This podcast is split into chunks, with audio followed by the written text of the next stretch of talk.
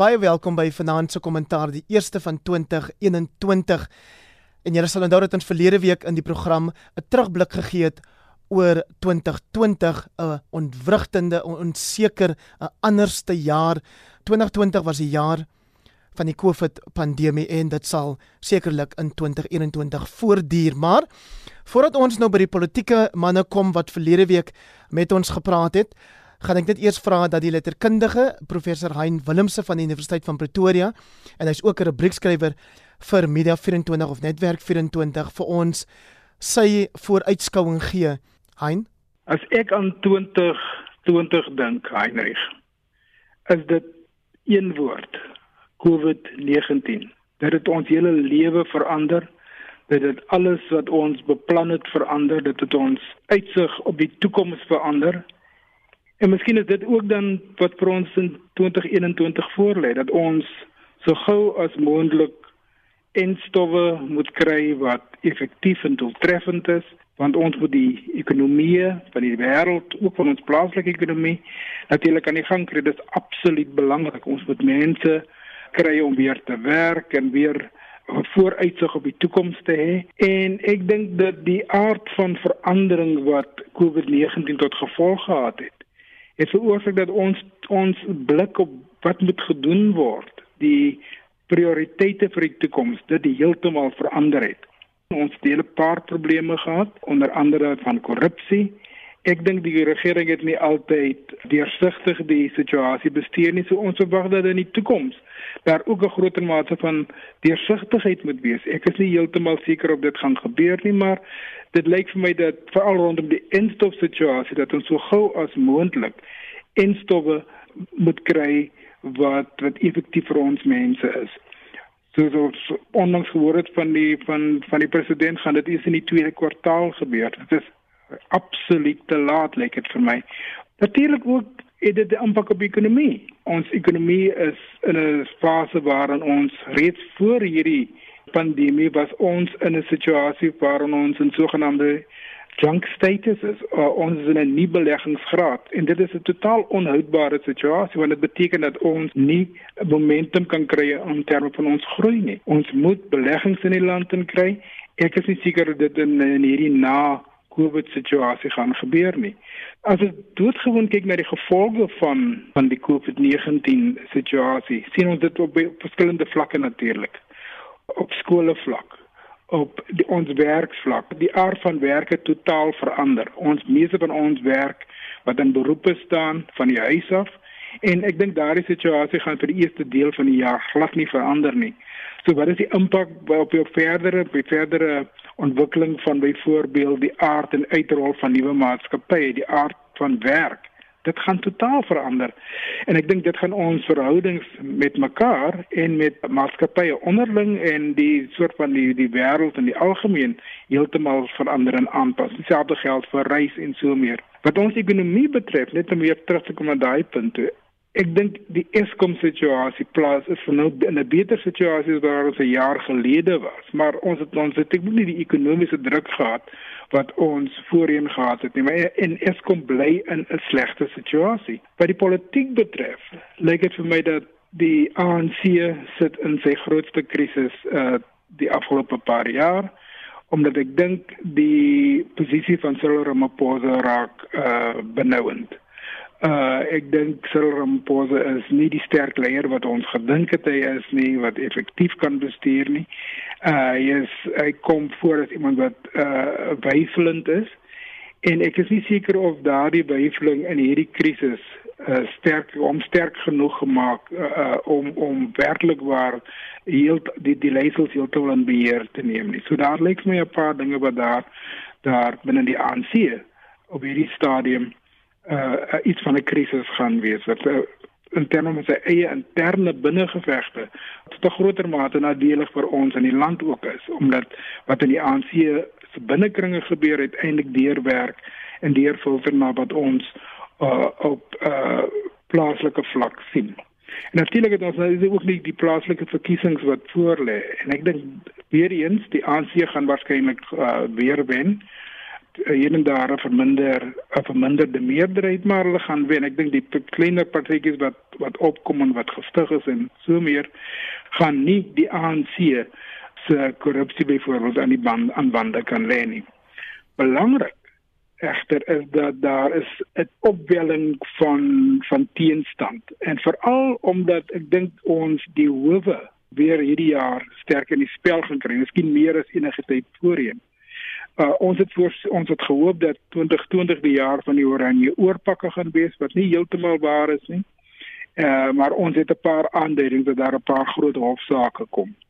En ek dink dit is belangrik vir die die sin van geregtigheid in die land, die idee van wat is ons toekoms in hierdie land en dat ons 'n groter mate van optimisme kan opbou. En dan is daar natuurlik sport en kultuur en hierdie soort goed. En ek dink dat as 'n mens kyk na na die kulturele omgewing, lyk dit vir my dat ons uh, al plaaslik het ons uh, van ons Afrikaanse kunstefeeste nie een ek kan net onthou dat een plaas gevind het. Die res het glad nie plaas gevind nie. En reeds vir die toekoms is uh, die KAKNK afgestel in 2021 so die implikasie daarvan is dat ons nog 'n bietjie mankerig die jaar tegemoet sal gaan maar ek dink dat daardie tweede helfte van die jaar daardie kunste industrie weer op dreef kan kom teaters wat oopmaak uh, die kunstefeeste wat weer aan die gang kom en dit is 'n belangrike deel van ons ekonomie. Ons vergeet eintlik hoe belangrik dit deel dit is van van ons ekonomie en ook vir die vir die kleiner kleiner dorpe en plekke waar dit dikwels plaasvind. So ek dink dit is 'n belangrike aspek. Ek voorsien dat skrywers byvoorbeeld eh, weer heelwat gaan publiseer rondom hierdie afgelope jaar en die krisis daaromtrent. Ek meestal moet gaan kyk wat die beste is, ook internasionaal wat uit hierdie periode na vore kom. Wat sport betref, uh, is dit natuurlik die Olimpiese spele, maar ek sien veral uit na die die Brits Lions toer. Ek dink dit gaan 'n interessante gegewe wees. En ek dink ons rugby situasie is 'n bietjie 'n slegter posisie as wat ons was voor uh, voor 2020 omdat ons glad nie um, regtig internasionale mededingende rugby gespeel het nie. So dit is my lysie ehm um, vir vir 2021.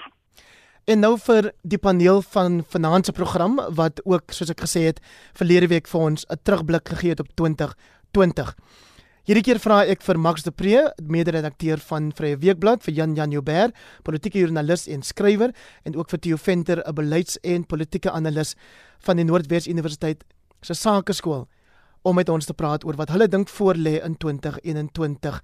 Jy Theo wou verlede week al praat oor die internasionale kwessies soos die verkiesing in Amerika, Brexit en die verhoudinge tussen Amerika en China byvoorbeeld. Ons het eintlik reeds 2 dae na die verkiesing geweet dat die perd is uit die stal uit as ek nou die mooi Engelse uitdrukking net so kan vertaal en dat daar nie 'n manier is vir Donald Trump wat hy ook al doen ehm um, hierdie verkiesing op 'n ander manier gaan gaan wen of terugkry of wat ook al nie die ehm um, die besluit is geneem en die 20ste Januarie ehm um, wat nou net voor ons lê is die inhuldigingsdag.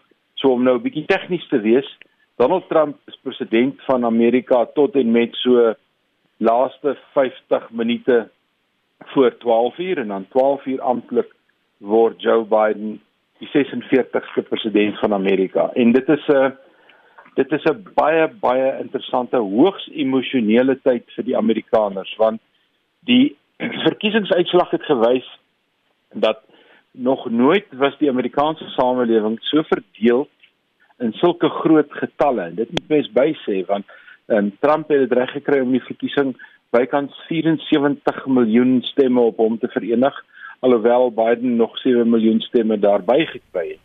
En ehm um, die die oorwinning is duidelik en ek dink die eerste 4 jaar van die Trump presidentskap gaan eintlik 'n proses wees van herstel van wat ons kan noem die post-Trump era. Met ander woorde Amerika moet nou sy verhoudinge met die res van die wêreld wat insluit NAVO, wat insluit die VN, wat insluit die wêreld se se klimaatsberaad en die klimaatsooreenkomste. Hy moet al hierdie goed regstel wat so verkeerd geloop het, maar Donald Trump het seker goed begin wat blywend gaan wees. En 'n mens moet dit nie vergeet nie. Ehm um, sy verhouding met die Chinese gaan nie so maklik opgelos word nie. dit wat hy reg gekry het met ekonomiese groei in Amerika kan jy nie net ongedaan maak nie. Die Biden administrasie gaan daarby moet aan aanbly um, en hulle gaan voort moet bou daarop. So daar is 'n soort van 'n Trump legacy wat gaan voortduur en wat die hele tyd eintlik die Biden administrasie daaraan gaan herinner dat waarskynlik die grootste ontwrigter in die naoorlogse wêreld was sy voorganger en dit gaan nie maklik wees om dit net in een termyn om te draai nie. Ek wil meer doen as net om oor Januarie te praat. Ek wil eintlik sê dat dit lyk vir my dat ehm um, Biden waarskynlik in terme van ouderdom en dis meer 'n eentermyn president gaan wees en dat um, ons baie vroeg in die in in sy termyn sal sien dat beide die republikeine en die demokrate hulle self hulle vere gaan regskit vir die volgende verkiesing wat uh, twee binne 2 jaar gaan plaasvind in 2022 en dan natuurlik die volgende presidentsverkiesing in 2024 en de, ek kan klaar sien uit die gesprekke wat gevoer word en wat geskryf word beide die republikeine en die demokrate is op soek na jonger leiers ehm um, wat meer verteenwoordigend is van wat die Amerika's aangaan dat die twee ou kerels wat uh, mekaar die stryd aangesê het ons kan nou Bernie Sanders bytel is eintlik drie van hulle ehm um, het Amerika vir 'n oomblik laat stil staan en sê waarmee is ons besig? Is dit presies wat ons wil hê? Is dit die beste wat ons kan kry uit 'n bevolking van 350 miljoen mense? So daar kom groot veranderinge in Amerika, maar ek is bly dat Biden en Kamala Harris 'n um, uh, baie formidable span gaan wees en van al die um, kabinetslede wat nou reeds aangekondig is, hierdie is 'n teksboek voorbeeld van hoe jy diversiteit bestuur in 'n komplekse land. Ek is nogal beïndruk met party van die aanstellings. Jan Jan, so ek weet dat ek loop dalk nou jy gevaar om voorskriftelik oor te kom, maar dis nie my bedoeling nie. Jy weet dat die hele jaar nog wanneer ons op hierdie program oor Donald Trump gepraat het, dan was daar hordes SMS'e van mm. luisteraars wat meen ons is anti-Trump. Nou die is ek beslis nie, maar ek weet uit die uitsprake van gaste kan dit dikwels dalk so voorkom, so briewe gaan na die stasie bestuurders toe en en. Ek wil regtig nou vra dat jy probeer dink as Theo praat van die nalatenskap van Donald Trump as en ek gebruik dit nou maar hier um vryelik as 'n ontwrigtende nalatenskap was dit regtig so verkeerd van Donald Trump om sy veldtog te bou op 'n Amerika eerste slagspreuk en dan die res van die wêreld Heinrich, nee, kyk, niemand kan jou daarvan beskuldig dat jy anti-Trump is nie. I mean, ons weet almal waar jy staan met Trump, nê. Nee. So, um daai het jy dit nou. En ja, ek het my bes probeer. In elk geval Trump is nou geskiedenis. Um maar um kyk die die woord wat um wat um Theo gebruik is um is uh, is ontwrigter en dit is 'n ekonomiese term eintlik en dit sê met ander woorde dis soos Uber wat Uber gedoen het aan taxi dienste het hmm. Trump gedoen aan die Amerikaanse politiek. So vir almal wat um ten gunste is van vryheid van spraak vir al soms, nou weer die brief die die weet die die um die keyboard nader trek en begin 'n gif spoeg teen almal wat dit waag om dalk kritiek op Trump te hê en dan te voel hulle so alleen en in die gesig gevat. Voor dit nou gebeur, Theo het nou nie gebedoel dat Trump is nou sleg nie. Hy mag so dink of nie, maar dis nou nie wat die betekenis van daai stelling is nie so rustig en kalm almal. Um wat ons wel na kan kyk is die pad vorentoe eerder as die stryd om 'n beter verlede en meneer Trump behoort nou binne 'n paar dae tot die verlede. So kom ons kyk na die toekoms. Um wat vir die Republikeine baie goed uitgespeel het en die Republikeine is in so 'n mate deur meneer Trump oorgeneem en beïnvloed en eintlik geïdentifiseer uh, uh, jy weet identifikasie van die Republikeinse party met meneer Trump en alles waarvoor hy staan is so vol voorkome dat eintlik as jy kyk na die verkiesing en dis 'n verkiesing wat meneer Trump verloor het um in uh as presidentskandidaat maar daar was nogal vordering vir die republikeine in die huis van verteenwoordigers en dit was nogal verrassend. Maar die demokrate sit met hulle kleinste meerderheid daar in 'n baie lang tyd maar die groot ding is in hierdie eerste week van Januarie is daar ek dink op die 5de die tussenverkiesings in die deelstaat Georgia vir die twee senaat um, posisies waar David Perdue die Republikein en nog 'n Republikein Kelly Loeffler um, hulle self uh, en hulle uh, setels gaan verdedig teen 'n sterk demokratiese aanslag van John Ossoff weet ek um, is die een um, kandidaat die oud um, soldaat en dan is daar 'n geestelike wie se naam nou ontgaan wat ook staan vir die demokrate. En wie ook al daar wen gaan die senaat beheer want op die oomblik het die republikeine 50 setels in die senaat en daar's 48 van daai demokrate het 46 en dan sal twee onafhanklikes een van Maine en een van Vermont wat ook aan hulle kant is. So dis op hierdie saai 50 48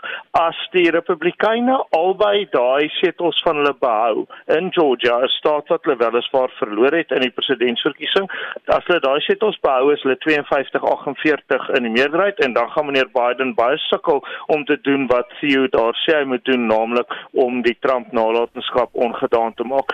Sou die demokrate albei daardie setels afneem by die republikeine, um, dan is dit 50-50 en in daardie geval het die adjunkpresident wat dan Kamala Harris sal wees, het die um, beslissende stem vir enige ding in die Senaat en in daai geval gaan die demokrate in die posisie wees om die presidentskap, die Senaat en die Raad van Verteenwoordigers te beheer.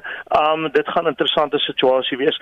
Ek ek verwag persoonlik en nou druk ek my kop regtig in 'n baie en is dat die Republikeine Perdue se setel gaan behou en Lifferson gaan verloor wat die Republikeine dan in staat sal stel om die Senaat te beheer en dan sal daar 'n balans wees om die waarheid te sê dan gaan meneer um Biden en mevrou Harris nogal hulle hande vol hê om enigiets reg te kry, maar dit is wat ek dink ons nou kan na uitsien of mens nou vir of teen Trump is. Daai bakleiery is nou regtig op 'n end en kan nou maar begrawe word. Jy weet dit is so 'n bietjie soos as my skool gelofte gespeel het teen Port Natal. Ons het geweet ons is beter as hulle, maar partykeer het ons teen hulle verloor. En dan volwassenheid soms net vereis dat jy daai daai nederlaag nou 'n bietjie aanvaar en aanbeweeg. Max Cyril Ramaphosa was een van die eerste wêreldleiers wat eh, vir Joe Biden geluk gewens het. Mens wonder dan wat het die Amerikaanse politiek met Suid-Afrika en met Afrika te doen en wat staan ons ehm um, wat se voordeel kan Suid-Afrika op hoop of Afrika in die breë ehm um, uit 'n Biden administrasie? Ja, ek dink uh, ons moet breed breed laat ek myself in die rede val en sê Heinrich, jy ken my nie as iemand wat skrikkerig is om 'n mening te stel nie. Allermins. Ek gaan nie my tong insluk omdat onverdraagsaam is 'n uh, briefies aan die stasie gaan aan die aan RSG gaan stuur nie.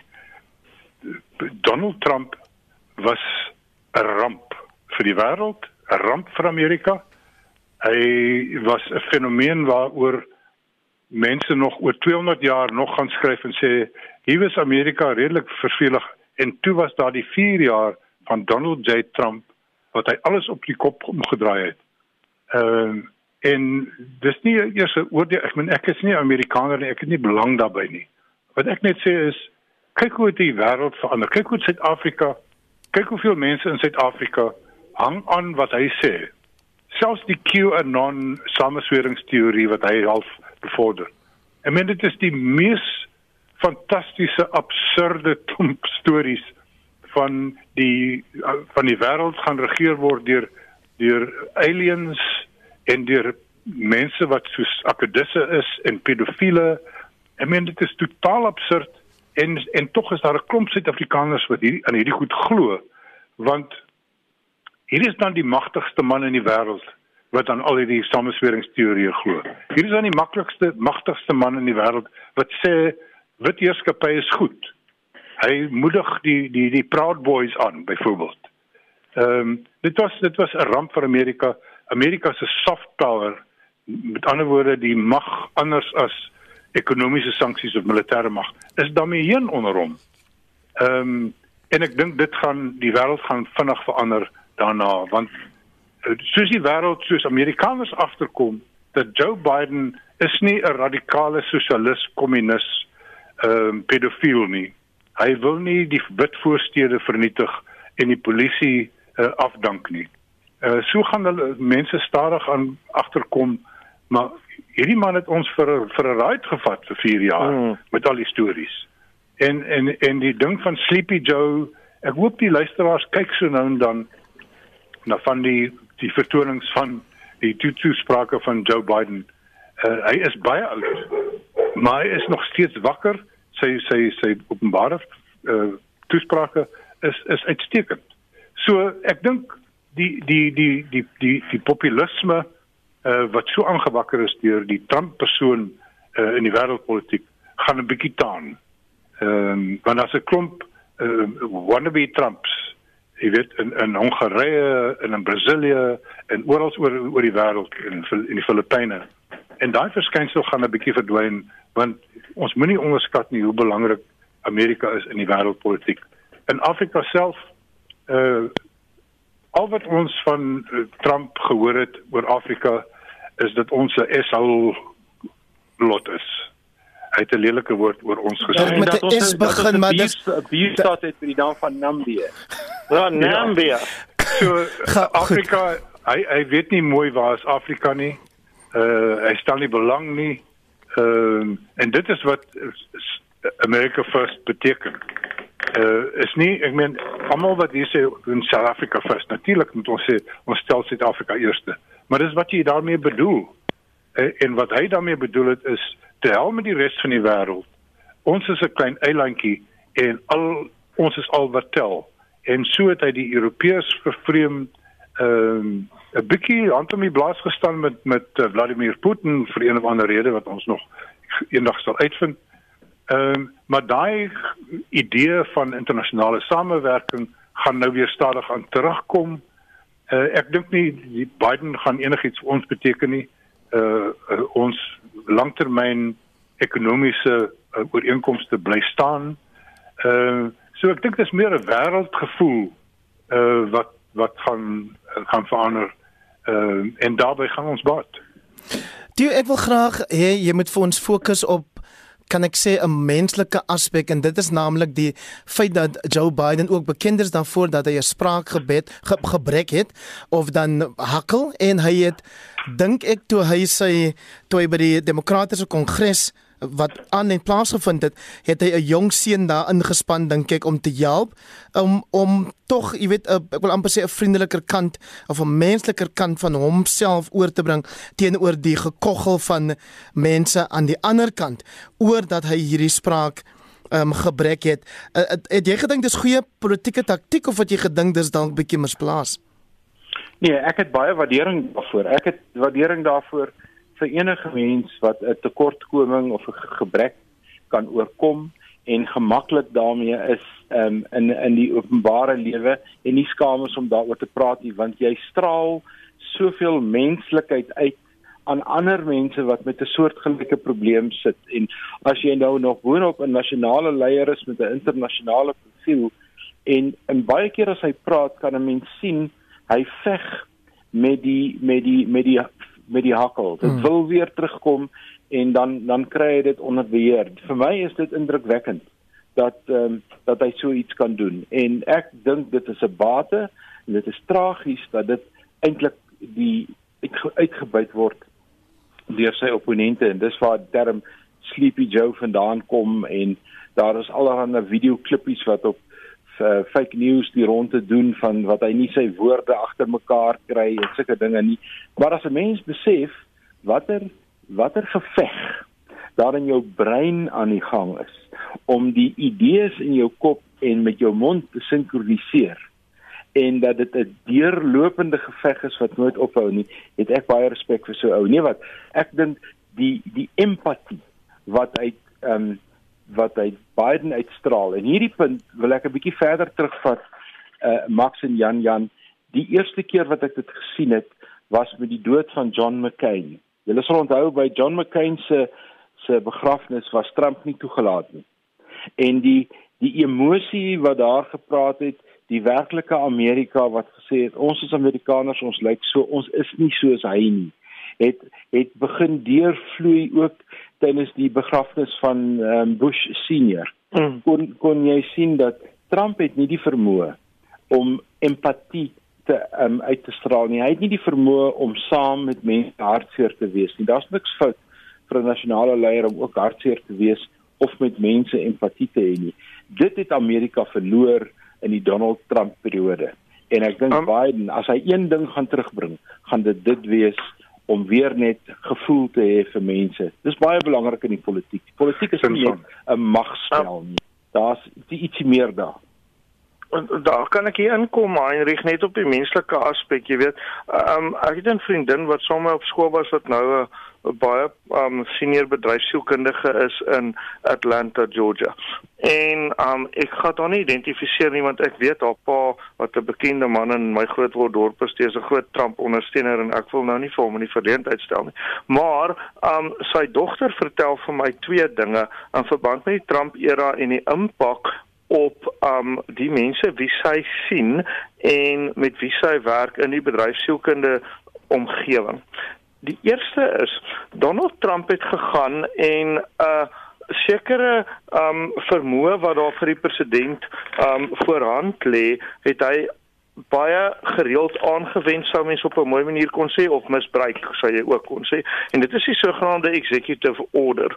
Nou executive order, ek weet nie wat dit in Afrikaans is maar dis 'n klein bietjie van 'n bevel van die president af en die idee daar agter is om dit te gebruik in gevalle van nasionale nood, in gevalle van oorlog of so wanneer die demokratiese um weë van byvoorbeeld die kongres of so nou nie vir jou oop is nie. Hy het die goed uit uitgereik asof hulle stokkie lekkers is.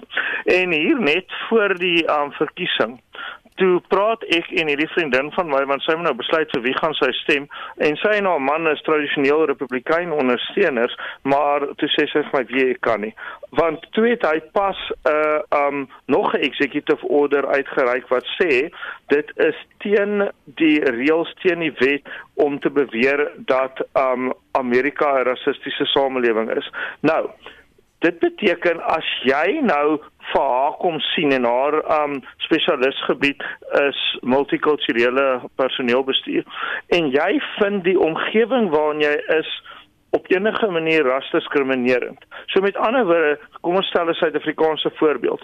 Jy is sê nou maar vir die doel van die argumente jong wit persoon net om dan nou na die Trump ondersteuners se kant toe te praat en jy voel regstellende aksie is besonder teen jou te diskrimineer dan mag jy dit nie sê nie. Jy mag dit nie sê in Amerika nie. Dit dit dit is teen die executive order, jy kan daarvoor vervolg word. So een van die eerste dinge wat wat Biden gaan moet doen is om hierdie tipe van um van totale inperking van vryheid van spraak. Want of Amerika nou 'n rassistiese samelewing is of nie, is baie te doen met hoe jy dit ervaar, jou persoonlike omstandighede en jou eie mening daaroor. Maar nou is jou vryheid weggevat en as jy vervolgbaar as jy daai mening gee. So een van die eerste goed wat Biden gaan moet doen is om al hierdie nonsens wat uitgereik is terug te trek sodat daar net weer vryheid van spraak kan wees. Die tweede ding wat sy uitgewys het, wat ek dink baie van ons mense wat um familiemense is en wat kinders of kleinkinders het of self op skool is. Sy sê in hierdie 4 jaar kon jy absoluut sien, ook in die mense wat sy behandel het, hoe dat goeie maniere en etiket in Amerika heeltemal verdwyn het in sekere aspekte byvoorbeeld by sportgeleenthede waar ouers en hulle kinders glad nie kon aanvaar dat hulle soms gaan verloor nie en waar alles gegaan het om wen. Geensins oor sportmanskap, die reëls of die feit dat jy eintlik besig is om op 'n vriendskaplike manier mee te ding as 'n hmm. vorm van ontspanning nie. En ek dink daardie is die groot goeters as ons op menslikeidsaspek fokus wat soms uit die oog verloor word deur mense wat hierdie hele republikeins demokratiese ding sien as 'n tipe van 'n uh, huissport, 'n skoolsport. Dit is nie. Dis 'n samelewing wat geherdefinieer moet word na ordentlikheid, nie politieke korrektheid korrektheid nie, ordentlikheid, goeie maniere, beskaafdheid en die vermoë om met grasie te verloor. Jan Jan Joubert is vanaand 'n Paneellid hier op kommentaar die eerste van die nuwe jaar saam met Max de Pre en Theo Venter en al drie van hulle gereelde en bekende deelnemers aan hierdie program. Ons het nou minder as 10 minute oor minder as 10 minute. So ek gaan nou vir julle vra dat ons 'n bietjie huis toe kom en dan Theo vra ek jou om te praat oor of jy in verlede week se program verwys na kwessies wat van 2019 af oorgespoel het na 2020 toe. Praat nou met ons oor wat vir die een kwessie is uit 2020 of die een saak wat amper verlore geraak het in 2020 wat nou sal oorloop in 2021 aan. Ja, ons sal dit hoor in die president se Januarie 8de toespraak waaroor ek baie bly is dat die ANC besluit het om nie hulle eie superverspreider byeenkomste te reël en uh, in Limpopo nie, maar eerder 'n presidensiële toespraak te laat beeldsend wat ek dink die regte ding is. Dis Dit is net vir die, wat Ekskuus ja, laat ons net vir die luisteraars wat dalk nie op hoogte is nie wanneer hulle hou dalk vakansie iewers nie by 'n strand nie, sê dat hierdie byeenkoms wat in Limpopo se plaasvind, is nou afgestel, afgestel, maar die toespraak sal steeds aanlyn of virtueel gelewer word. Dankie Theo. Dis reg. En in daai toespraak en ook in die staatsrede sal ons baie beslis hoor oor die ANC se um, pogings om om grondhervorming weer op dreef te kry en een van die meganismes daarin is die um, wetsontwerp oor onteiening. Dit is nog nie 'n wet nie, dit is net 'n wetsontwerp en hy moet in die loop van 2021 deur al die stappe gaan om nou finaal wet te word as 'n as 'n meganisme vir die regering om 'n proses wat hy lank terug begin het um, in plek te kry. Nou in hierdie proses het hulle ook um, gesê ons moet die grondwet wysig om onteiening dis nou nie meer sonder vergoeding nie maar nou met nul waarde um, uh in plek te kry. Dit lyk vir my asof Silva Maposa en die ANC dit wel reg gekry het om die EFF se pogings te omseil en dat die wysiging van die grondwet nou 'n baie laer prioriteit in 2021 gaan hê, maar dat die onteieningswet wel in plek gaan wees en dit bied genoeg meganismes vir die regering aan om die onteiening te doen en om die grondhervorming op dreef te kry op voorwaarde dat hulle hierdie onteiening wat hulle doen en plase wat gegee word gedoen word in oorleg met georganiseerde landbou en met die agronywerhede en dat die landbougrond wat so beskikbaar gestel word nuttig en produktief aangewend word dan dink ek nie kan 'n Suid-Afrikaner 'n probleem daarmee hê nie want dan maak ons die land beskikbaar vir almal. So grond en grondhervorming gaan in 2021 belangrik wees as die een faktor wat al van 2019 afkom. 2021 maks ook die jaar van ons volgende plaaslike verkiesings. Ja, dit belangrik plaaslike verkiesings. Ons moet hoop dat die pandemie homself uitgewoed het in daai tyd. Dit lyk nie of ons baie gou genoeg instof gaan kry om uh, kudde immuniteit op te bou nie. So ons hoop teen Augustus September wanneer ons met uh, plaaslike verkiesing hou dat die ehm uh, dat die pandemie homself uitgewoed het. Maar dit gaan interessant wees.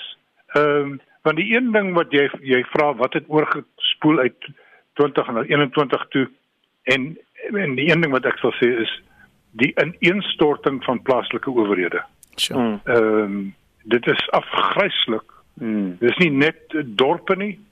Uh dit is ook sekere metro's en ons begin dit al meer in Johannesburg ook sien en selfs in Pretoria, ons sien dit in Nelson Mandela Bay en natuurlik in die meeste dorpe waar plaaslike regering min of meer ingestort het. Ons het die verspotte ding gesien van gift of the givers wat hospitaal in 'n week moes bou vir Makanda munisipaliteit uh mhm. -huh. nadat hulle al vir die laaste 6 maande vir die dorp uh, water. water gee. Uh mhm. -huh. En nie die mense aan wie die belasting betaal is se geld gegaan nie, maar 'n liefdadigheidsorganisasie. So uh gaan mense nou aanhou om te stem vir die mense wat hulle so gemors het? Ja, miskien tog, want daar is nie 'n vreeslike sterk oppositie nie. Die vraag is dan ook gaan uh, Herman Mashaba 'n uh, indruk maak? Ehm um, want hy is nou hy steel 'n bietjie by die DA, hy steel 'n bietjie by die ANC. Gaan hy uh, genoeg hê om om homself te vestig as 'n politieke party? Ons sal dit moet sien. Ek dink daar's belofte aan Herman Mashaba se party maar mense spring nie so maklik rond in Suid-Afrika nie. Een van die ander mense wat ons hierdie jaar verloor het, uh, Jan Jan is Kimi Makweto, die voormalige ouditeur-generaal wat verslag na verslag vertel het van die wanbesteding by munisipaliteite waar jy hierdie gebrek aan dienslewering natuurlik elke dag sien. W wanneer gaan die kiesers dan nou vir hulle self sê hulle verdien beter? Ja, wel, dis 'n oop vraag. Jy weet, elke kiezer moet vir homself besluit. Al die um feite staan op die tafel en dis waar uh, aktiewe burgerye 'n belangrike rol speel. Ek wil teruggaan na wat Theo vertel het nou oor die onteieningswet. Dis met ander woorde nou nie die grondwetlike wysiging nie, maar um op hierdie stadium kan mense um kommentaar lewer op daai onteieningswet. Baie interessante en en omvattende wet wat mense gerus kan gaan lees wat die detail gee van hoe onteiening kan plaasvind. Dis nie asof dit nou 'n nuwe ding is nie. So nie skrik nie. Dis die 1975 wet wat verander is. Um hy tans vir openbare um vir openbare kommentaar gepubliseer deur die parlement en mense het tot die 10de Februarie om daarop kommentaar te lewer. Nou jy kan hom um besigtig op die parlement se webblad, dis parliament.gov.za of alternatiefelik kan jy gaan kyk. Ek het baie omvattende berig daaroor gedoen en ook die nodige skakels ingesit op Marula Media as jy daar wil gaan kyk. Maar die antwoord op al hierdie dinge is om deel te neem aan die proses en jouself nie daarvan te verwyder nie. En terselfdertyd met 'n mate van verantwoordelikheid deel te neem aan die proses. Ek verkyk my ook in hierdie dae aan mense wat eintlik goed regeer word en ek praat hier van spesifiek Weskaapse munisipaliteite, Oos-Kaapse munisipaliteite soos Kouga en ook in die Gauteng en in Limpopo enkele munisipaliteite, Tabazimbi, Modimolle, Mopong en met val um onthou ook dat jy um jy kan ook maar krediet gee daar waar dit goed gaan. Mens moet nie 'n 'n klaande nasie word nie. Maar as jy gaan kyk na 'n situasie soos die Mangaung Metro in Bloemfontein waar hy internasionaal nou gegradeer is en hy het 'n moontlike punt van 100 die volle totaal van 2 gekry het, dan dink ek is dalk tyd vir daai Vrystaaters. Hoe lyk dit? Uh, Max is daar nog wat state in ry um, om om bietjie op te staan en 'n en 'n ding of drie te doen, né? Max, ek gaan vir jou geleentheid gee om die eerste van julle drie te wees wat vir my en vir die luisteraars sê. Wat is die een ding waarna jy uitsien hierdie jaar? Een positiewe verwikkeling in ons land. Uh, die een ding wat ek nou uitsien is om my paranoia oor die COVID pandemie af te skud en weer mense met die hand te kan groet en weer vergader te met, met, met my vriende te kan vergader. Dis die groot ding, maar dit is nie dit gaan nie gou gebeur vir ons nie. Ek wil eerder gou-gou vir jou sê ek is besig om 'n boek te lees van 'n Nederlandse professor met die naam van Rutger Bregman. Die naam is Humankind a Hopeful History waar hmm. hy op 'n wetenskaplike manier, akademiese manier bewys hoe mense eintlik goed is. Mense is nie eind, ons is nie eintlik boos nie. En ek sê vir soveel mense moet dit lees en dat ons begin die goeie in mekaar raak sien. Dat ons minder luister na die retoriek en die haat en die geskreeuery en dat ons mekaar se menslikheid begin raak sien. En ek dink uh, dit kan gebeur. Tio ek sien baie uit na die na die sondeverslag se finale uh, weergawe. Wat ek dink ons eers so in die middel van van hierdie jaar gaan kry. En dan um, die president wat dit natuurlik moet oorweeg en dan wat se aanbevelings daaruit gaan kry want dit sluit 'n uh, 'n periode van 10 jaar uh, op 'n manier eintlik af en ehm um, die die vermoë wat um, wat ons dan het om 'n sekere gedeelte van die geskiedenis agter ons te sit en iets daaraan te doen. Ehm um, ek dink dit gaan ons in die tweede helfte van volgende jaar baie besig hou. Jan Jan gaan ons in Suid-Afrika in die jaar 2021 okay wees. Nou, ons gaan okay wees as ons kies om okay te wees en daarom hoop ek dat drie van my helde in die Afrikaanse gemeenskap se lewenstaak sterker uitgevoer sal word deur die mense op wie hulle dit probeer van toepassing maak. En daai drie helde se name is Mimi Koortse, dit is Nathaniel en dit is MC Skuman en die drie dinge wat vir my hulle tot helde verklaar is hulle ewige poging om die Afrikaanse gemeenskap te beskaaf en ordentlik te laat optree. Dit kan geld ook vir die Suid-Afrikaanse gemeenskap. Mag hierdie jare jaar wees waarin ons ordentliker met mekaar sal omgaan, minder nydig sal wees, meer die goeie sal sien en soos Max inderdaad sê, die menslike sal aangryp. Nie dit van almal anders verwag nie, maar dit self uitleef want in die arbeid lê die bevryding.